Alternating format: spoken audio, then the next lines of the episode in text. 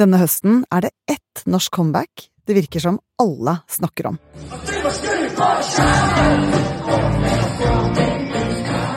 Jepp. Kaizers Orkestra. Du vet, gutta fra Jæren med gassmasker og oljefat. Hva er det med dette bandet som fortsatt klarer å nå ut til stadig yngre og nye fans? Du hører på Forklart fra Aftenposten, en podkast der vi forklarer én nyhet i hver episode. I dag om hvordan Kaizers har blitt Norges største rockeband. Jeg heter Synne Søhol, og det er tirsdag 17. oktober.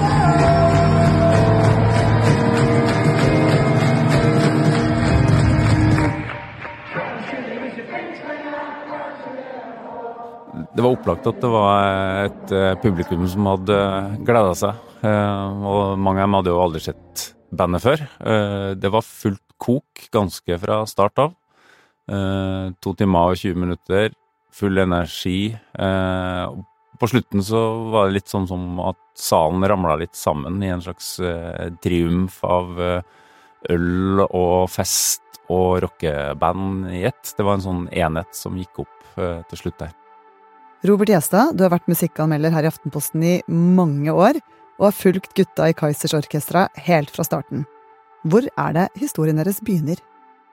Historien begynner jo for så vidt i Bergen, men egentlig litt før, i Bryne, der Jan Ove Ottesen og Geir Zahl er kompiser fra, fra de er små.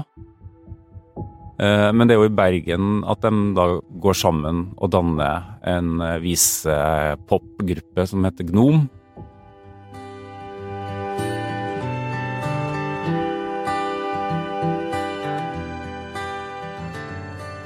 Det slo aldri gjennom. De hadde jo store ambisjoner. Fikk liksom ikke publikummet utover hulen i Bergen, som jo for så vidt ikke holder eh, i lengden.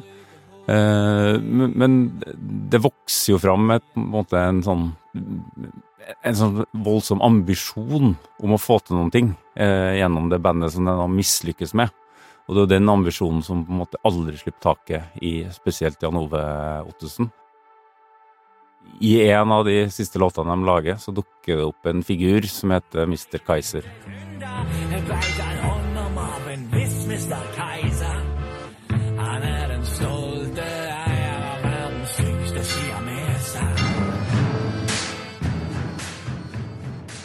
Og så bestemmer de seg for å bygge et slags nytt univers rundt denne Mr. Kaiser.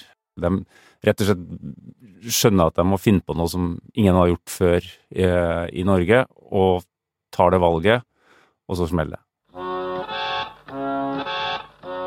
Med pumpeorgel, oljetønner og gassmasker blir Kaizers Orkestra født. Og fra første stund gjør de braksuksess. Alle elsker Ompa til det dør.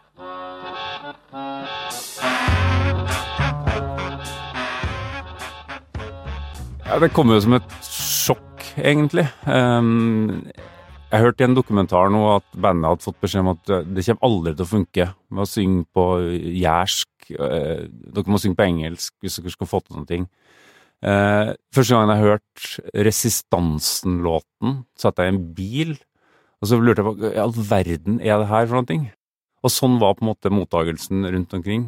Platekjøperne gikk jo Eh, mann av huset, som det heter. Eh, på en måte som en ikke skulle tro var mulig lenger. Men at et rockeband opprinnelig fra Bryne som synger på jærsk, skulle selge over 100 000 plater, det var helt sånn Det var ikke til å tro, eh, men det skjedde. Hva var grunnen til det, da? At de klarte det? Nei, Det var jo det at de bøy på noe som var nytt for oss her i Norge. Når folk så og hørte for eksempel de her oljefatbankinga.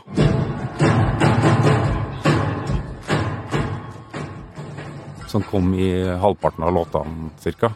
Så bare sånn Hva er det her? Og så begynte de å spille masse live. Eh, og når du så dem live, så, så var det jo på en måte som om du så liksom rocken bli født litt på ny, på en litt sånn merkelig måte. I årene etter fulgte nye album, mange konsertturneer i Norge, og til og med i Danmark og Tyskland. De holdt seg på en sånn jevn høyde. Ga ut uh, nye album ofte. Uh, hadde på en måte masse låter uh, på gang. Hadde spilt masse live. Fikk seg en platekontrakt i utlandet, som jo heller ikke skal gå an, egentlig, for et band som synger på dialekt, norsk dialekt. Og så, etter tolv år med reising og konserter, så stopper det. Eh, de sier jo sjøl at de ikke egentlig slutta, at de bare stoppa, altså de bare tok en pause. Så jeg tippa at de var litt lei av hverandre, litt sliten av hele greia. Og så er det jo litt sånn at i et band med seks stykker så ulmer det jo forskjellige ønsker om å gjøre forskjellige ting. Eh, men så, da, eh, åtte, ni, ti år senere, så begynner det å dukke opp noen hint her og der om at ok, Kaizers comeback er på gang. For i fjor begynte noe mystisk å skje. Inni T-skjorter fra Fretex og på offentlige toaletter dukket det opp små tegn med hemmelige beskjeder.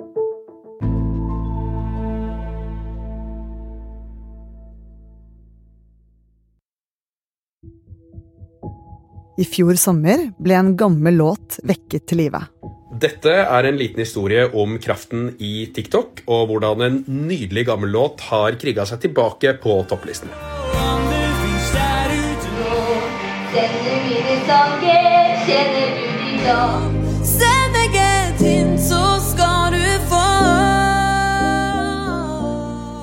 13 år etter at den kom ut, ble Hjerteknuser plutselig nummer to på VG-lista. En høyere plassering enn det noensinne har hatt før. Tilfeldig? Ingenting eh, tror jeg er tilfeldig rundt uh, comebacket til Kaizers Orkestra. Um, det har jo kommet fram i ettertid nå at uh, ideen dukka opp på et julebord i 2019. Og sammen med måte, management og, og, andre aktører så har de helt klart jobba fram en Det har vært en kreativ prosess fram til hvordan de skal lokke fansen Og det var det de gjorde i 2022. Først så dukket det opp små klistremerker på doer og lyktestolper i landets fire største byer med et kryptisk budskap. Dine gamle dager er nå. Så annonserte Kaizers at de skulle sende ti kasser med gamle band-T-skjorter til Fretex. Men etter hvert var det noen som fant ut at hvis du så ekstra nøye etter på disse gamle T-skjortene, så var det trykket små QR-koder rett på stoffet. Skannet du de, så kom du inn på en mystisk nettside hvor det sto Du er en av 107. Drøm hardt. Vent på svar. Men det aller merkeligste opplevde nok de fem personene som fikk en fremmed mann på døra hjemme hos dem, med en pakke. Inni pakken var en spilledåse og ved siden av en lapp med den teksten Dine gamle dager er nå, og QR-koden til nettsiden, hvor det også lå en video.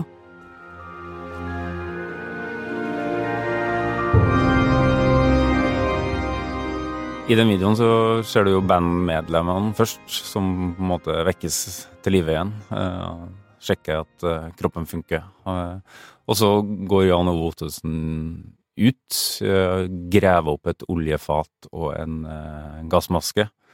Mens resten av bandet da kommer gående mot han. Og det er jo vanskelig å gjøre det mer tydelig at comeback er på gang.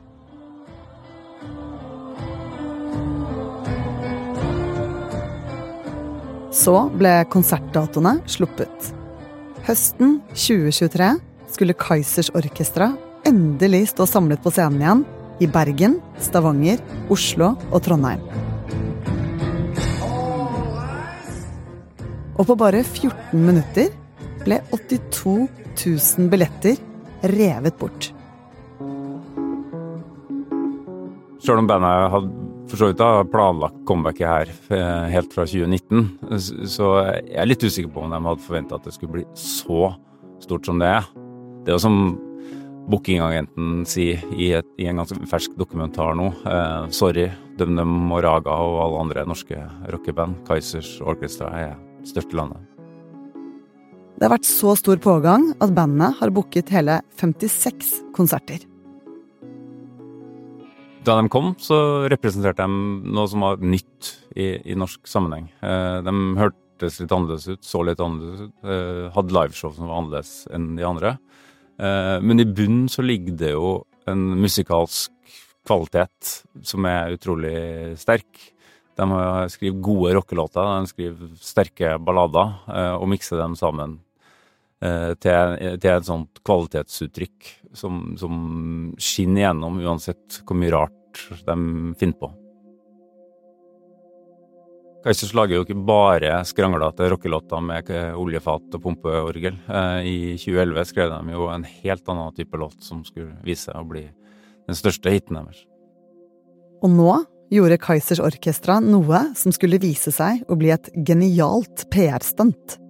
I samarbeid med P3s Urørt fikk de ukjente artister til å tolke notene i låten Hjerteknuser og lage sin egen vri. Ser jeg alt det som du ser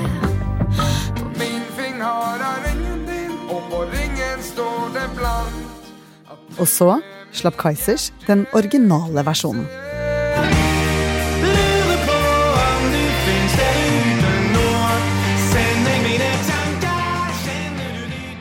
De oppnådde jo at den låten var stor, det var en hit før de ga den ut sjøl. Eh, noe som skapte selvfølgelig oppmerksomhet og entusiasme rundt deres egen versjon da den eh, kom ut eh, etterpå. Og det er jo en, altså, i seg sjøl en så utrolig fin og sterk kjærlighetsballade at, at, den låten ville jo alltid kunne rulle og gå. Det er altså en låt som har skrevet seg inn i den norske musikkhistorien og alltid kommer til å være der. Og kanskje er det summen av alle disse PR-triksene som gjør at de nå har klart å selge ut fulle konserthus kveld etter kveld. Og selv etter ti år uten ny musikk flommer fansen til. Noen for å se Kaizers for aller første gang. Robert, hvordan får de det til?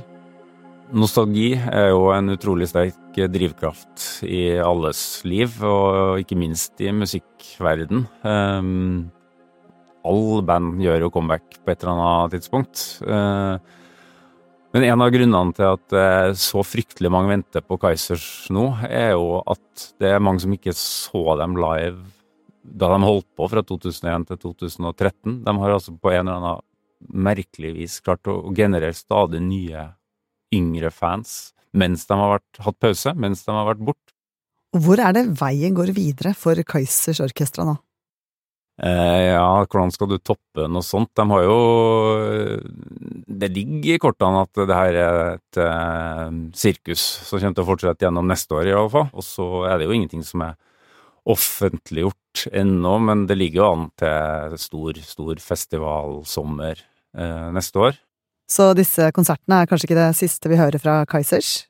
Uh, nei, det her er jo et comeback har, som kan rulle og gå lenge, tror jeg. Uh, de er jo da større nå enn de noen gang har vært i billettsalg og i popularitet. Det vil jo være veldig rart å bare stenge døra og grave ned oljefatet igjen eh, høsten 2024, eh, når, når, interessen er der. Så det kommer nok noen nye låter, kanskje et nytt album, og så ruller vi på, da.